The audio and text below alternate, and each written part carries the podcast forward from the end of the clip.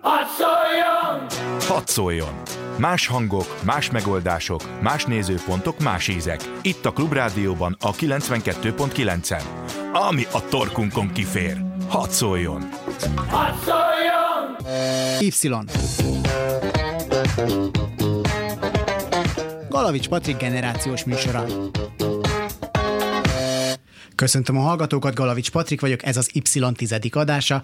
Az utóbbi pár hétben úgy alakultak az adások, egyáltalán nem tervszerűen, hogy a témák egymás után adták magukat. Szó volt golyatáborokról, amik az egyetemi évek egyik legjobb, ha nem a legjobb lehetséges élménye követte, a külföldi tanulmányok, azon belül is az Erasmus ösztöndíj. Aztán múlt héten a munkakeresésről volt szó, a saját példámat vettem alapul, mert az Erasmus után nekem elég súlyos anyagi gondjaim voltak, és amennyire nehéz lehetett munkát találni, vagy még inkább jó munkát találni egy fiatalnak, legalább annyira ö, nehéz elköltözni is otthonról. Ennek a miértjeit fogjuk megbeszélni ma a vendégeimmel, Berecki Enikő generációs szakértővel, aki az adás első felében tud velünk lenni, valamint a Táveringatlan két munkatársával, Pavelka Zsolt bérbeadási vezetővel és Kornides Andrással, a cég kiemelt értékesítőjével. Sziasztok! Sziasztok! Sziasztok! Sziasztok. Hát van felmérés, ami azt mutatja, hogy az Y generáció tagjainak nagy része szeretne saját lakást, olyannyira, hogy a döntő többségünk, olyan 70-80 százalékunk az önálló élet egyik alapjának tekinti a saját ingatlant. De hogy ilyen arányban nem lakunk saját lakásban vagy házban, az is egészen biztos. A kérdés ugye már csak az, hogy a, miért lakunk még mindig a szüleinkkel, úgymond a mama hotelben, hogy ez egy kényszer, vagy önként választott dolog, mert hogy ennyire elkényelmesedtünk, és Berecki Enikővel ezzel is kezdeném, hogy elkényelmesedett ez a korosztályunk annyira, hogy igazából ezért marad a anyuval, meg az anyu főztjén ezért él? Hát ez egy, igen, gyakran lehet hallani ezt a sztereotípiát, hogy egy narcisztikus, kényelmes nemzedékről van szó, de ö, itt az a kérdés, hogy milyen szemszögből vagy kiken, milyen mintán vizsgáljuk ezt a generációt. Ö, tehát én nem gondolom, hogy feltétlenül ezt így rá lehetne húzni erre a generációra.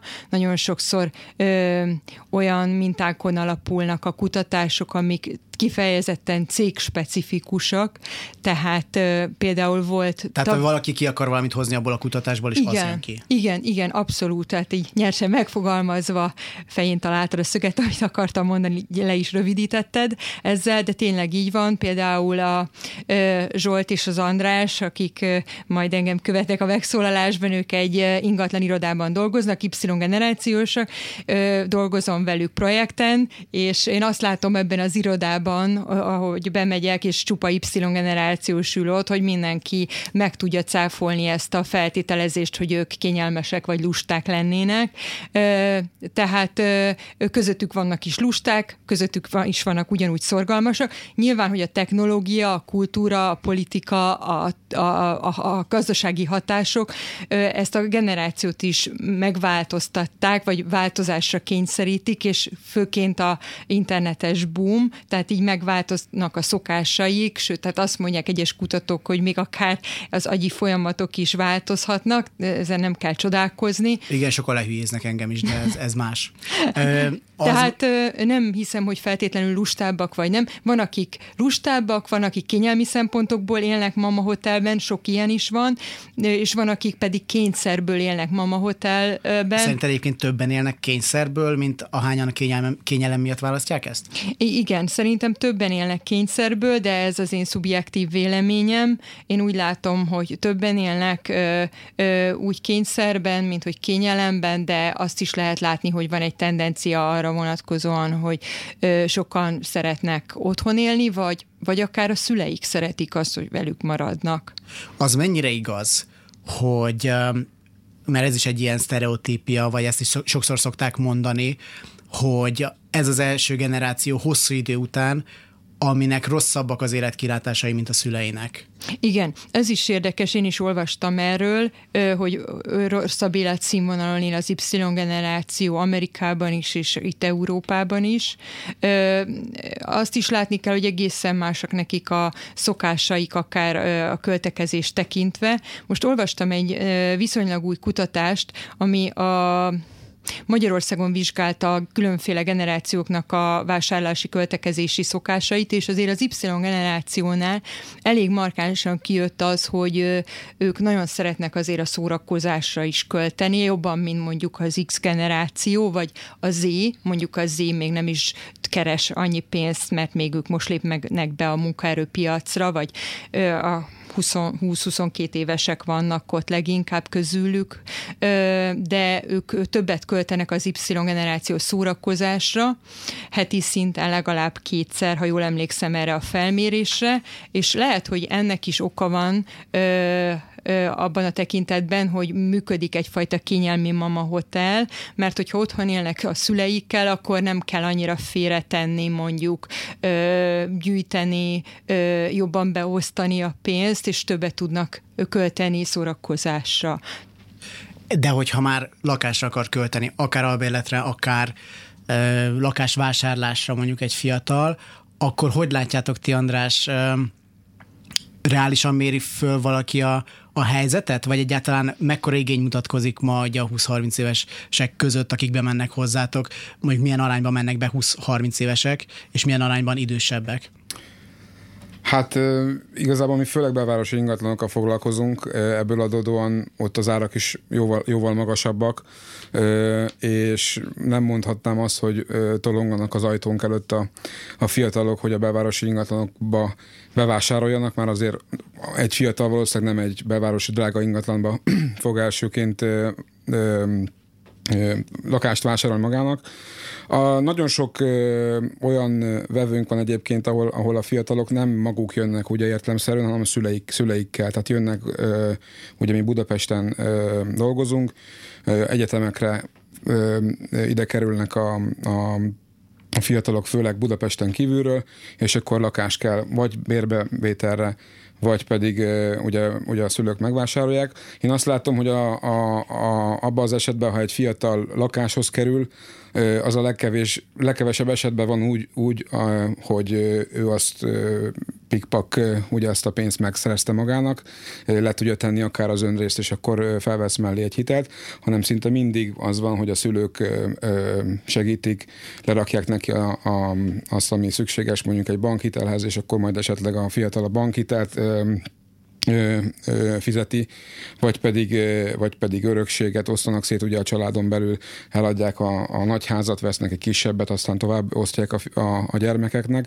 Jó esetben ugye a szülők ezt meg tudják vásárolni, rosszabb esetben hitel, hitelt kell felvenni hozzá a fiataloknak, a harmadik eset pedig, amiből ugyanolyan sok van, hogy bérbe veszik a, az ingatlant, és sokszor többen összeállnak, többen laknak egy, egy lakásban.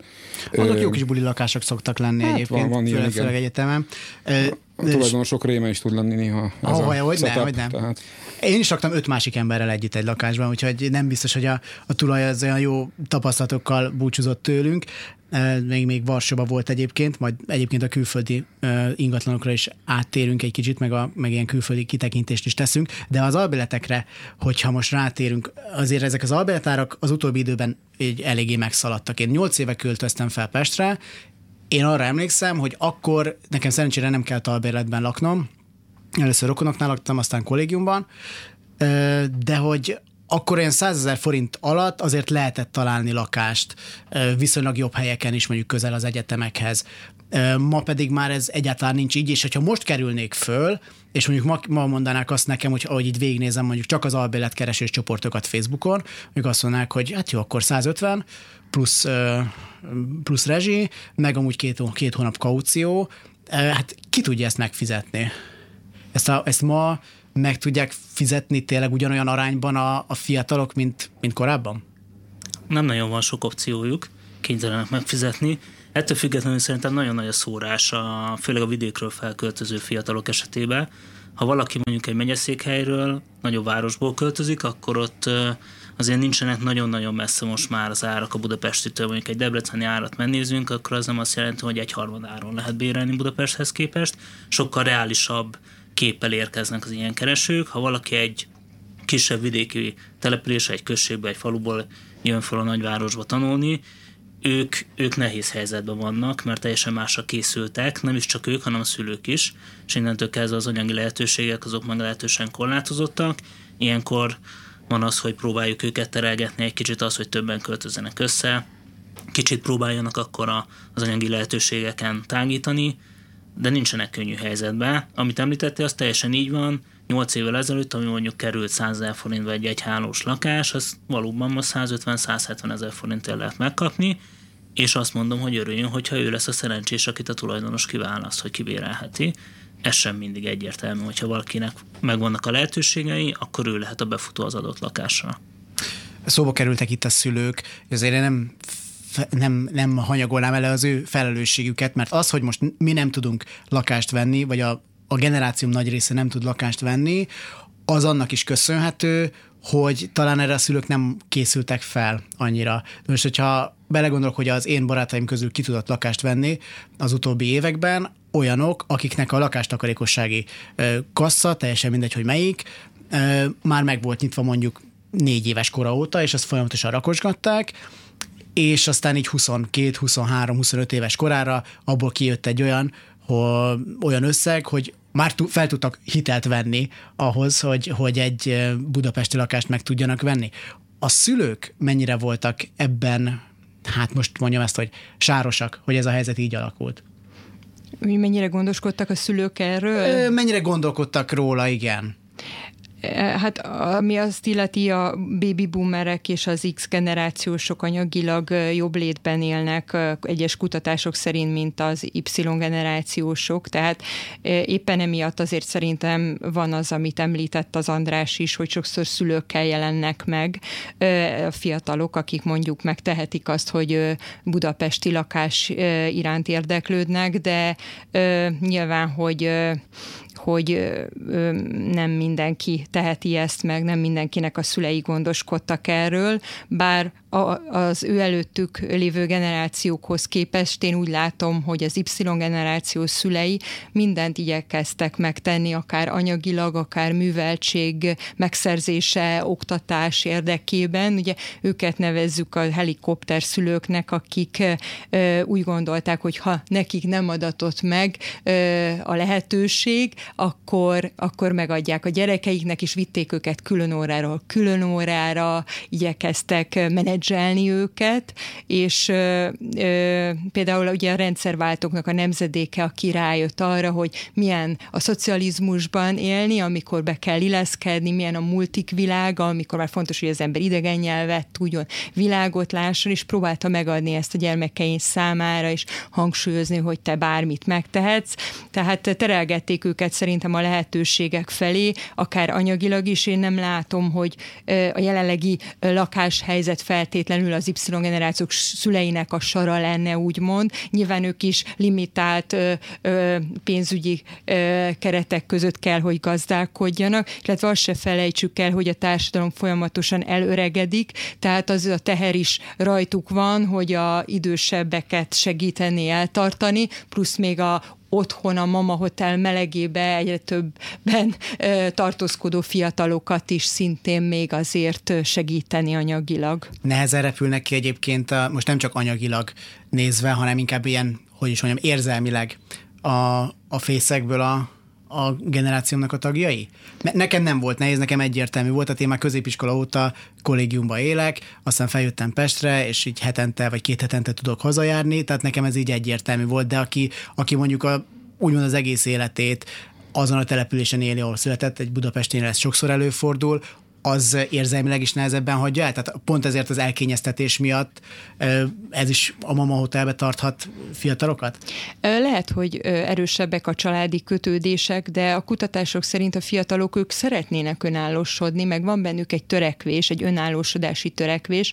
Ez is egy több összetevős, komplex dolog, például mondjuk, ha azt vesszük, hogy a tanulmányok egyre jobban kitolódnak, ez azzal is jár, hogy egyre később nősülnek, házasodnak, mennek férhez a fiatalok, de egyre később alakul ki az igény arra, hogy elköltözenek és külön önálló családként éljenek, és azt mondják érdekes módon, hogy a férfiak hajlamosabbak arra, hogy hosszabb ideig éljenek a mama hotelben. Miért?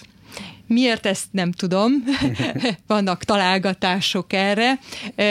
Egyszerűen a kutatásban, amit olvastam, megállapították, hogy a férfiak tovább vannak, amikor ugye nemek arányát vizsgálták.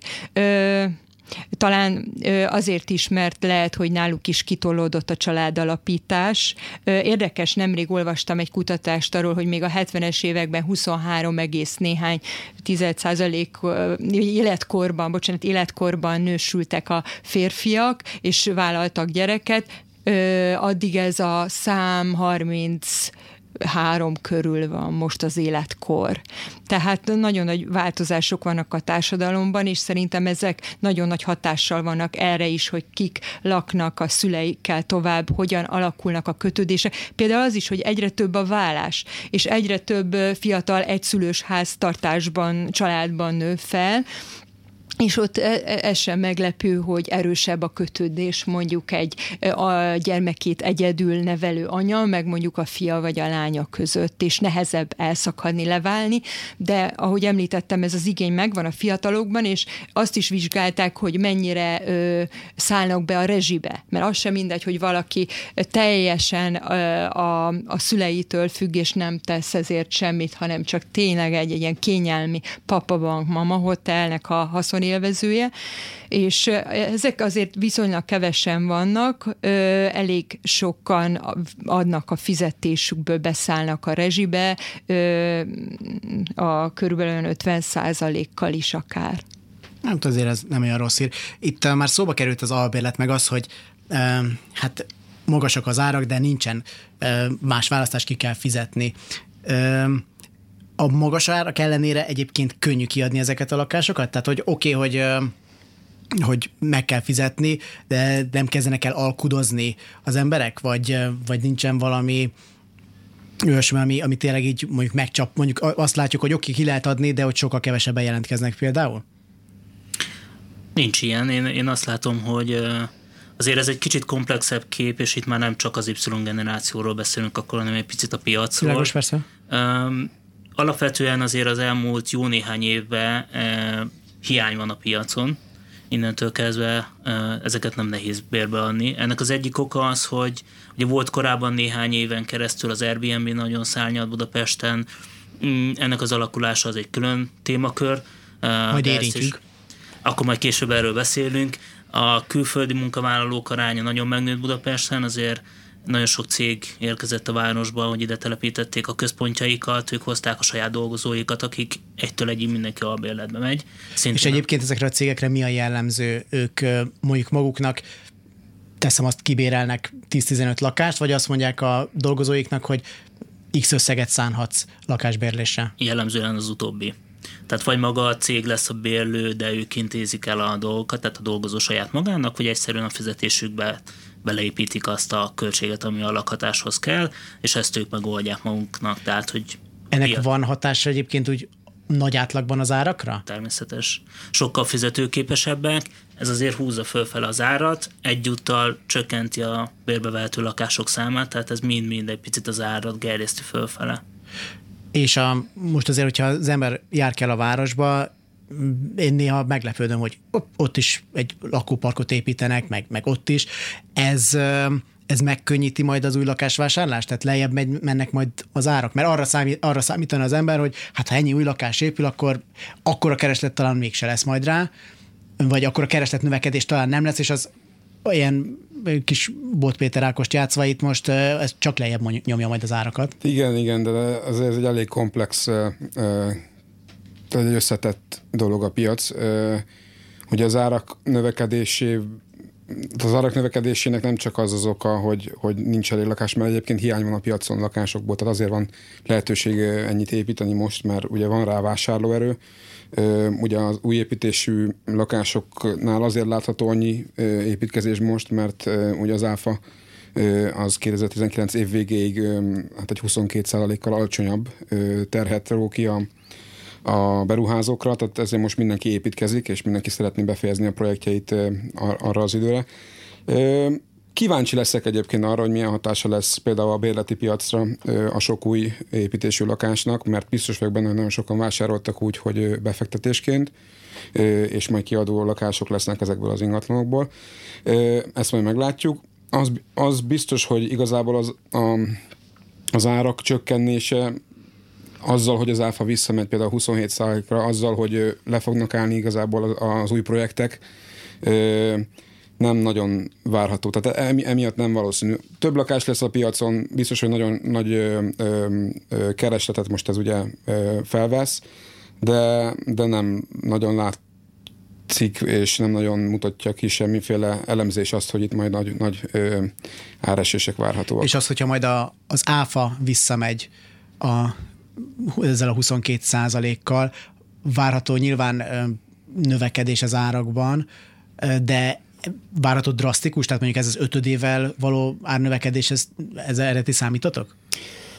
Hát én most pont most olvastam én is egy elemzést, ugye várhatóan ez a 22 szál többletköltség majd át lesz hárítva megint csak a vevőkre, mert ezt nem akarja majd ugye a beruházó hát ez, ez az egy drasztikus, az egy drasztikus növekedés, ami azt fogja jelenteni, hogy egyébként ott azon az, az árszinten valószínűleg egy keres, a kereslet csökkenni fog, illetve át fog tolódni az új építésű ingatlanok felé, a használt, felül a használt lakások felé, tehát a klasszikus, illetve a meglévő lakások felé, ami viszont azon a részen egy kereslet növekedést fog jelenteni, tehát megint, hogyha csak közgazdasági szabályokat nézünk, akkor a kereslet növekedés ott elvileg árnövekedést fog generálni.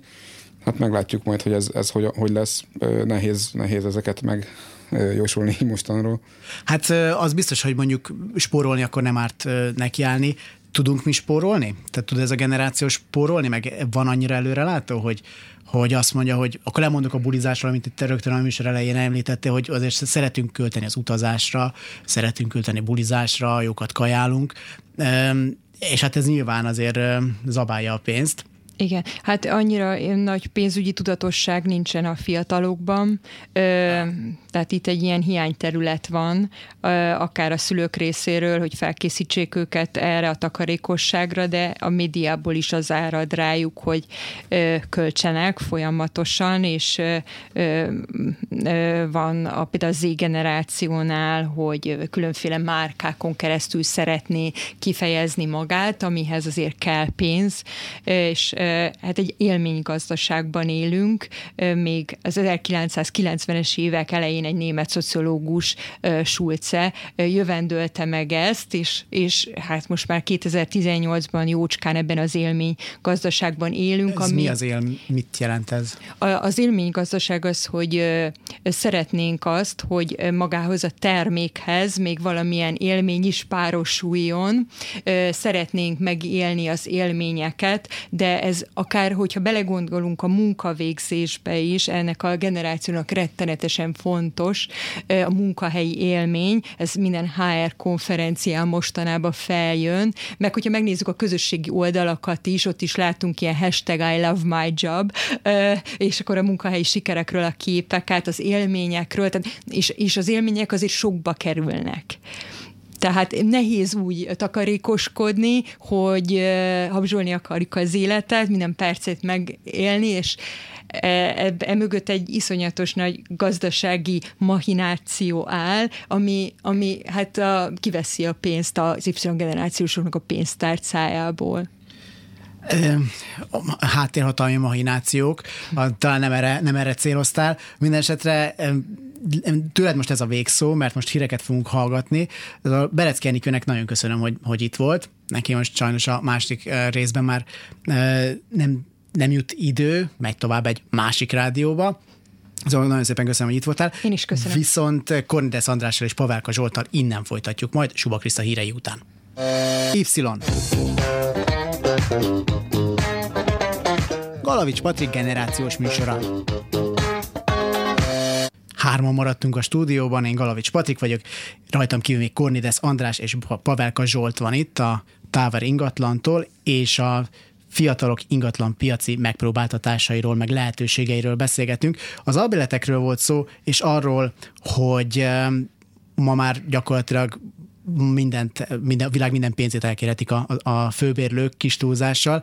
Sokat engednek meg maguknak egyébként, úgy érzitek? Tehát, hogy nem csak árban, hanem mondjuk egyéb elvárásokban is. Hát nézd, ez azért nehéz kérdés, mert ha én lennék az ő helyükbe, akkor szegény is így viszonyulnék a kérdéshez. Ha van egy befektetésem, nyilván maximalizálni szeretném az abból származó bevételemet, és minél inkább eh, a kockázatokat kiiktatni. Tehát... Nálatok egyébként, tehát mondjuk egy főbérlő, egy potenciális főbérlő úgy megy be hozzátok, hogy azt mondja, hogy figyelj, itt van ez a lakás, és megszabja az árat, és ennyit mond, vagy más feltételeket is mond már kapásból, hogy ki, kinek adnám ki a lakásomat szívesen? Ez nagyon változó, a többség inkább a, a konkrét elképzelések nélkül jön be, és ők csak annyit mondanak, hogy van egy ilyen ingatlanom, szeretném bérbeadni, szerintetek ez mennyit ér, milyen célközönségnek alkalmas a lakás, stb. Itt jön viszonylag hat, határozottan a mi szerepünkbe a képbe. Célközönséget meghatározni az, az a mi esetünkben nehéz, mert mi főleg a belvárosban vagyunk, ahol egyaránt a munkavállalók és a diákok is például keresnek. Nyilván ilyenkor a lakás kialakítása, mérete, árkategóriája, ezek mind döntő szerepet játszanak ebben. Tulajdonosok oldaláról ritka az, hogy valaki nagyon-nagyon beszűkíteni azt, hogy ki az, aki kibérelheti. Nagyon sok esetben a személyes szimpátia az benne van, a mi esetünkben nagyon sok külföldi befektetőnek is bérbe adjuk az ingatlanjait, ahol viszont inkább az vannak szocializálva, hogy a referenciák azok, amik, amik szempontok például mondjuk milyen jövedelemmel rendelkezik, mennyire stabil a munkahelye, hányan költöznének, van egy gyerek vagy nincs gyerek, tehát ezek az alapinformációk a szempontok. Ez most azért kérdeztem, hogy milyen preferenciák vannak, mert nekem két sztorim is volt így az ingatlan piacon. Három éve kezdtem el először albérletet keresni egy haverommal, és mi nem, ingatlanon, nem ingatlanos cégen keresztül kerestünk, hanem Facebookos csoporton keresztül. Uh-huh. Egyébként majd erre is térünk hogy ezek mennyire megbízhatóak. És akkor ott találtunk egy egész jó kis lakást, viszonylag jó környéken, felhívtuk a, a fickót, hogy hát akkor szeretnénk így megnézni. A, a fickó első kérdése az volt, hogy rendben van, természetesen, egyébként fehérek. És akkor mondtam, hogy hát végül is hát mi ezt a, e, e, ezt a kritériumot teljesítjük, zárójel van munkánk, meg így, meg így keresünk pénzt, meg mit én, tehát hogy tudnánk fizetni, illetve volt egy, volt egy másik, ez két évvel ezelőtt volt, amikor egyébként egy szegről végről ismerős, től lett volna az albérlet, de tehát olyan, olyan feltételeket szabott, körülbelül egyébként ilyen, ilyen vonalon mozogva, mint amiket te is mondtál most Zsolt, hogy úgy éreztem, hogy ez nem főbérlő, albérlő viszony lenne, hanem ilyen jobbágy és földes úr. Tehát, és azt gondoltam, hogy ez azért ez annyira így, így nem játszik, tehát például az, hogy őnek én jelentsen be, mint főbérlőnek, hogy fél óra múlva én felhoznék valakit, akárkit a lakásba, mondjuk délután négykor, hogy ezt úgy éreztem, hogy ez, ez azért oké, okay, hogy így kifizetek pénzt, de hogy meg, hogy ő a főbérlő, de azért ez, ez nem így megy. Hogy ebbe nem, ér, nem éreztek-e ilyen kicsit irreális elvárásokat, erre akartam igazából rákérdezni, hogy mondjuk bátrabbak lettek-e úgymond a főbérlők ilyenben az utóbbi években? Ez sajnos abszolút igaz egyébként. Mi is sokszor szembesülünk azzal, hogy valaki mondjuk Egyébként ez főleg az ügyfelektől, a bérlőktől halljuk ezeket a, a sztorikat. Mi azért a tulajdonosokat, akikkel mi kapcsolatba kerülünk, nagyon gyorsan tudjuk úgymond a realitások talajára visszahúzni őket, hogy ne legyenek például az általad említett elvárások és kritériumok nem életszerűek. Ettől függetlenül természetesen nagyon sok tulajdonos gondolkodik így, és állít fel gyakorlatilag teljesíthetetlen kritériumokat. Én azt látom egyébként, hogy az a tulajdonos, aki hajlandó mondjuk egy szakember ö, szolgáltatásait igénybe venni és megbízni a bérbadással, ők sokkal inkább tudják, hogy mit akarnak, és nem is egy ilyen lehetetlen élethelyzetet állítanak elő a főbérlő és az albérlő között, hanem egy azért ez valahol egy üzleti megállapodás, nekem van egy termékem, amit én rendelkezésre bocsájtok, te pedig ezért fizetsz, tehát valahol jogos az, hogy vannak ebbe azért keretek és szabályok, de nem irreálisak. Említetted a Facebook csoportot, én is benne vagyok nem egyben, nem kettőbe, főleg külső szemlélőként nem szeretek azokba a vitákba belefolyni, mert nem látom Kemények egyébként, most mondom hallgatóknak, hogy nézzenek bele egy Budapest albillet csoportba, vagy valamiben, tehát hihetetlen olyan, ami ott megy. Igen, mondjuk előtte lehet, hogy jó, hogyha nem isznak kávét, mert a vérnyomások az egekbe lesz, hogyha azt komolyan is veszik. Én mondjuk erre azért azt mondom, hogy tipikusan a, a negatív vélemények a hangosak, tehát hogy azért szerintem ebbe egy picit ez is benne, hogy ott, ott a negatívak vannak túlnyomó többségbe, mert erről beszélnek szívesen a, az ügyfelek. A valós helyzet azért szerintem nem ennyire tragikus, mint amit, amit ott látunk, de valóban ott azért vannak sztorik, amiknek egyébként a valóság tartalmát én nem vitatom, de azért a piacnak ez egy viszonylag kis százaléka.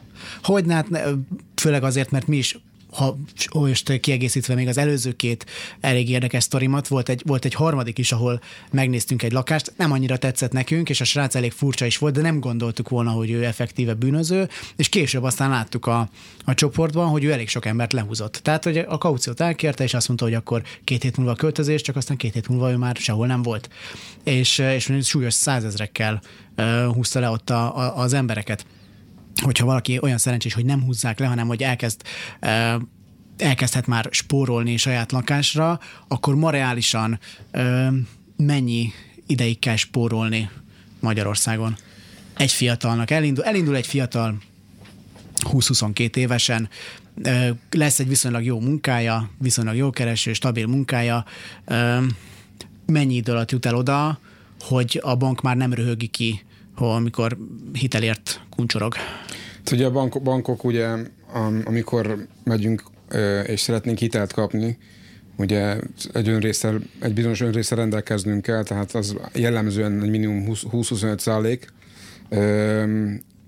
és utána még megnézik azt, hogy a fizetésünk milyen, milyen mekkora mennyiségű hitelt fog megengedni. Ugye nagyon sokan lakástakarékban próbálnak félretenni, ugye, vagy, vagy, vagy többféle módon félre lehet tenni, tehát minden, minden nap, vagy minden, minden hónapban a 20 ezer forintot be lehet rakni a, a párnába is, vagy a bankba is, vagy egy banki megtakarítási, megtakarítási számlára. Ö, igazából a lakástakarék az mindenképpen szerintem egy jó dolog. Pont az adás előtt is beszélgettünk ugye róla, hogy, hogy nekem is van, nekünk a családban mindenkinek van igazából. Az egy olyan dolog, hogy havi 20 ezer forint ugye félre, félre tételre kerül, amit az állam ugye egy 30 kal ugye megtold évvégén.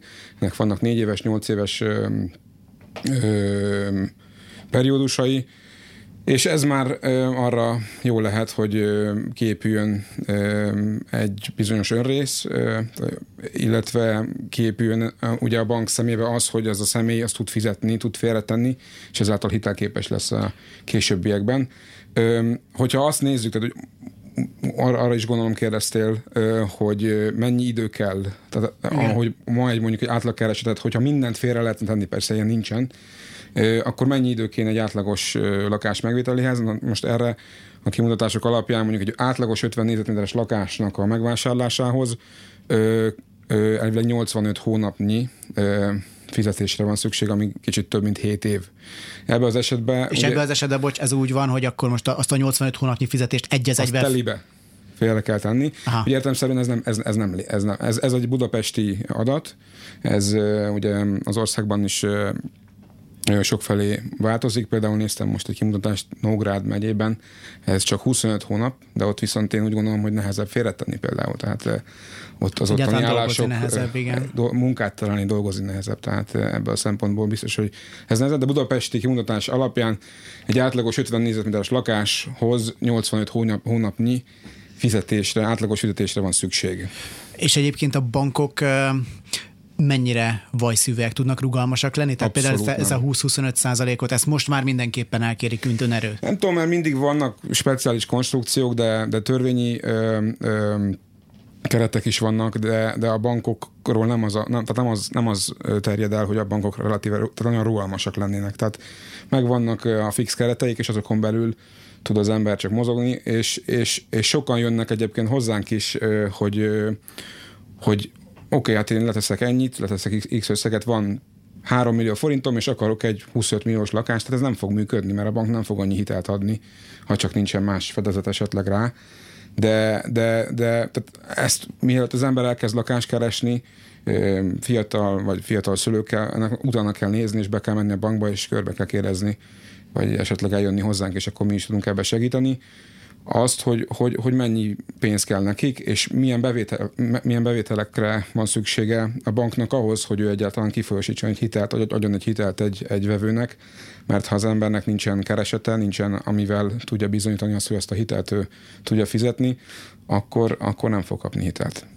Igen, ez, hogy utána kell nézni, ez teljesen így van, csak most, és persze ez a saját példám, mondjuk én, én a szüleimmel 23-24 évesen kezdtem el gondolkozni azon, hogy mi lenne, hogyha most majd így kikerülök az egyetemről, és hogy lakást veszek, és akkor így körülnéztünk a piacon, egyrészt láttuk az árakat, és így elkezdtük fogni a fejünket, azóta eltelt három év, még jobban fogjuk a fejünket, nyilván. Biztos, igen. És és aztán utána megnéztük például a bankoknak a feltételeit, hogy ők milyen feltételeket támasztanak ahhoz, hogy egy viszonylag értelmes hitelt fölvegyek, amivel nem, nem kötem magam a bankhoz mondjuk 70 éves koromig, és akkor azt láttuk, hogy ez elég reménytelen. Még úgy is, hogy, hogy egy relatíve jó keresetem volt, tehát ez én sokkal elkeserítőbbnek látom a helyzetet, mint amit mondjuk így Enikő így a, így a kezdésnek fölvázolt, de ez a helyzet az azért is lehet kicsit tragikusabb, mert ugye ti ingatlanosoknál do, ingatlanosak vagytok, egy cégnél dolgoztok, nálatok teljesen világos, hogy ott tisztán megy minden. Azonban pont így a Facebook csoportokban ott nem egyszer azt látja az ember, hogy ki van írva egy hirdetéshez, most az albéletekhez visszatérve és Zsolthoz visszatérve, hogy számlaképes. Aztán csomószor előfordul, hogy az ember mondjuk találkozik a tulajjal, és akkor a tulaj meg azt mondja, hogy hát egyébként az utalás az így ne utalás legyen, hanem mondjuk így kézbe fizes minden hónapban ötödikéig, hogy ez mennyiben befolyásolja az árakat, és van-e arról elképzelésünk, hogy mekkora lehet ez a szürke, fekete zónába mozgó lakáskiadás ma Budapesten? Hát ezt kimutatni természetesen nem tudjuk, de azért vannak erről benyomásaink. Én azt látom, hogy folyamatosan fehéredik egyébként a piac. Azt látni kell, hogy az adózással kapcsolatban, és ezt a területet érintő adózással kapcsolatban egy nagyon nagy könnyítés történt ebben az évben a, a szabályozásban. Korábban 15 plusz 14 százaléknyi adót kellett egy bérbeadónak befizetni a bevételei után. Bármekkora bevétel után? Bármekkora bevétel után, illetve 1 millió forintnál volt egy limit az alatt, de Budapestről beszélünk most, hát akkor az, ott igen, az gyakorlatilag esély, esélytelen volt. Most ebben az évben eltörölték a plusz 14 ot tehát a 15 százalék az, ami megmaradt, ami egyébként még, még költségelésekkel tovább csökkenthető. Azért azt látjuk, hogy nagyon sok tulajdonos ennek hatására azt mondta, hogy jó rendben, a 30 százalék az sok volt, de a 15-öt azért már befizetem inkább, és akkor nyugodt lelkismerettel fekszek le, nem tud a szomszéd, kedves szomszéd feljelenteni, hogy én feketén adom bérbe a lakásomat. Tehát ez azért egy picit ösztönzőleg hatott a tulajdonosokra. Ez a, mi... ez a vevőnek is jobb, illetve a, a bérlőnek is jobb nyilván, tehát kevésbé tudják kihasználni. Így van egyrészt kihasználni, másrészt meg az egész jogviszonyt mindkét fél irányában sokkal inkább letisztítja, mert ha bármelyik félnek van problémája a másikkal, akkor lehet jogi útra terelni. Ezt mondjuk egy fekete bérbeadás esetén bármelyik félnek azért nehéz mert senki nem akar egy ilyen kapcsolatot fölvállalni, úgyhogy ez azért a bérlőknek is egyébként egy segítség. Mi azt látjuk egyébként, hogy nem, lá, nem feltétlen ment át ez az árakba. Tehát nem azt jelenti, hogy ha valaki um, eddig számla nélkül adta bérbe az ingatlant, és most számláson adja bérbe az ingatlant, akkor automatikusan rádobná azt a százalékot. Egyszerűen megértette, hogy ennek ez az ára, ha van bevételem, abból adót kell fizetni, ilyen egyszerű, és ez, ezt egyre többen azért meglépik. Nyilván nagyon sok fiatal megy albérletbe, na de ugye sokan keresnek tényleg lakást is, és András, van már ennek a generációnak ilyen hatása erre a piacra? Tehát mondjuk, hogy alakul a, a kínálat azokhoz az igényekhez, amiket a, a mi generációnk támaszt. Egyáltalán más, más fajta igényeket támasztunk egy új lakás felé, vagy akár használt lakás felé is, mint, a, mint az idősebbek? Hát abszolút alak, alak tehát például az új építésű ingatlanoknál jellemzően például egyetem, egyetemek környékére nem nagy lakásokat csinálnak, kisebb lakásokat, kis kompakt lakások készülnek, kis garzon lakások, vagy, vagy pedig úgy, úgy két szobás lakások, hogy nem feltétlenül az egyik a nappali, a másik a hálószoba, hanem esetleg két, két diák meg tudja azt ö, ö, osztani egymás között. De csakkoznak ezzel így a beruházók? A beruházók vagy? abszolút, tehát ö, nagyon sok olyan projekt volt az utóbbi ö, pár évben, vagy, és még most is, amelyek, amelyek arra mennek rá, hogy egyrészt vagy ki adni diákoknak a lakást, vagy pedig akik megvásárolják diákok, azok, azok tehát meg tudják vásárolni diákoknak a szülők például, vagy pedig, vagy pedig van, aki úgy vásárol, hogy oké, okay, van benne kettő-három szoba, megveszem a gyereknek, és akkor majd még mellé költözik kettő, aki egyébként fedezi majd ő neki az itt létét Budapesten. Tehát ilyenek is vannak. Egy félig befektetés, félig használati célból vásárolnak ingatlanokat. Ez mennyire jellemző egyébként? Hogy, hogy, a, hogy, a, hogy bekopogtat hozzájuk, hozzátok anyuka, hogy hát srác itt most költözik föl Pestre, itt fog egyetemre járni, kéne egy lakás. Van, van, abszolút van. Tehát e, igazából nem tudom összehasonlítani azzal, hogy mennyien nem, mert ugye mi azt látjuk, hogy mennyien vannak, akik keresnek, de én például a kollégákat mindig ösztönzöm arra, hogy nyár elején és egész nyáron azokat a lakásokat próbálják behozni úgymond értékesítésre, amelyek ez, erre alkalmasak. Tehát amelyek, amelyek ott vannak az egyetemek környékén, amelyek könnyen megközelíthetőek, ugye a metró, jó megközlekedés, 9. kerület, 9. kerületnek, a belvárosnak a különböző részein, amelyek, amelyek jók lehetnek arra, hogy a diákok számára a szülők megvásárolják ezeket az ingatlanokat, mert azért ennek van piaca folyamatosan, tehát nyáron kiderül, hogy kit hova vettek fel, akkor nem csak a bérleti piac kezd el nagyon hevesen mozogni, hanem az értékesítési piacon is. Tehát most, ha kiderül, hogy De- Debrecen helyett Budapestre vettek fel valakit, akkor ugye jönnek és vásárolnak a szülők. Értem szóval nem tömegével, de, de azért ezért ez is egy fontos piac. Azért nagyon érdekes, mert ez egy sokkal pozitívabb dolog, amit mondasz, és én egy kicsit negatívabban láttam eddig a, a dolgokat, de egy, ezek szerint akkor nem akkora öm, nincs akkor eltérés ebben, mint amit én gondoltam, és itt van is egy interjú a figyelőből, ami Balog Lászlóval készült ő az ingatlan.com-nak a, a szakértője.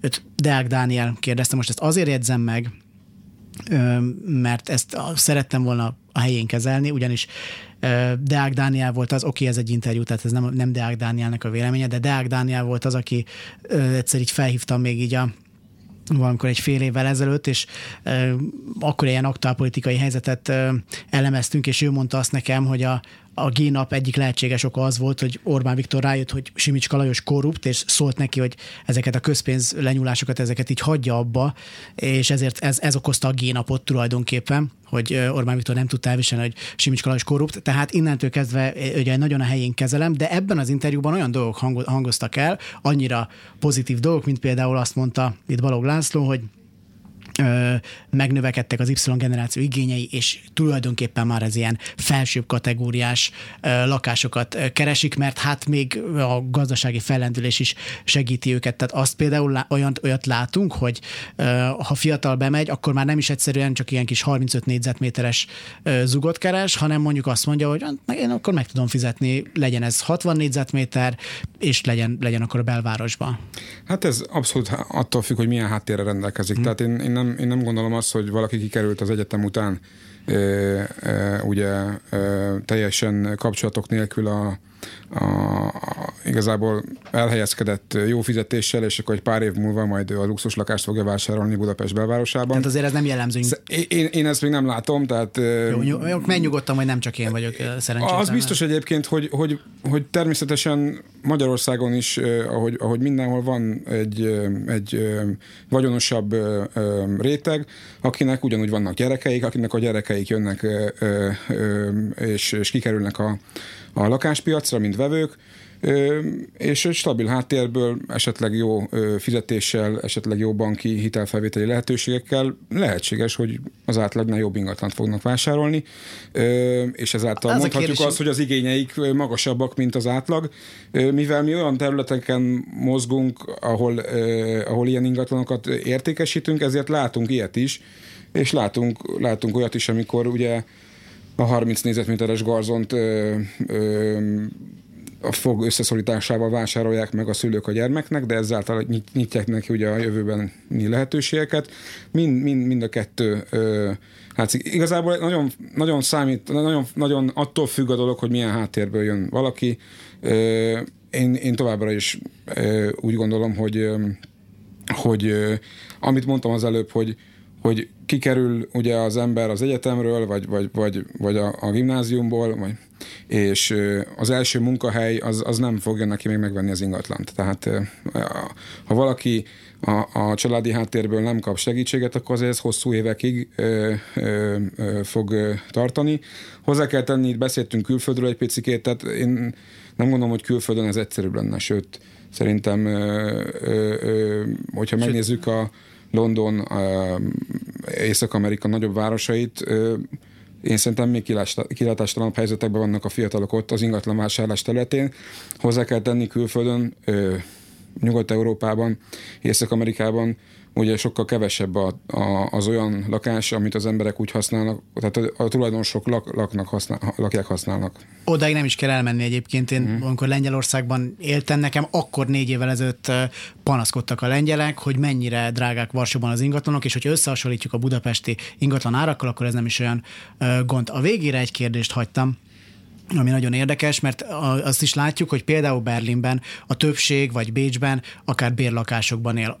Most azért, mert úgy gondolja, hogy ott jobb élni, vagy azért, mert abba kényszerül, az egy másik kérdés.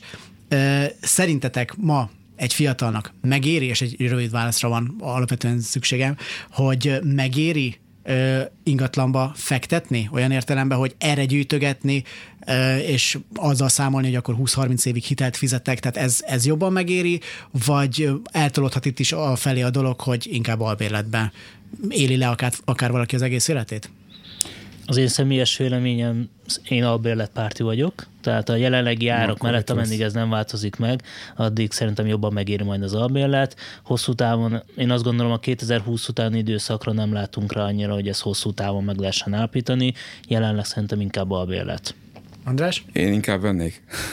Igazából, és nagyon gyorsan elmondom, hogyha, hogyha tehát alapvetően mindenhol az ingatlan értéke, ugye értékálló és, és hosszú távon mindig növekszik. Tehát nem úgy, hogy vannak is esések, akkor visszajön az ingatlan érték.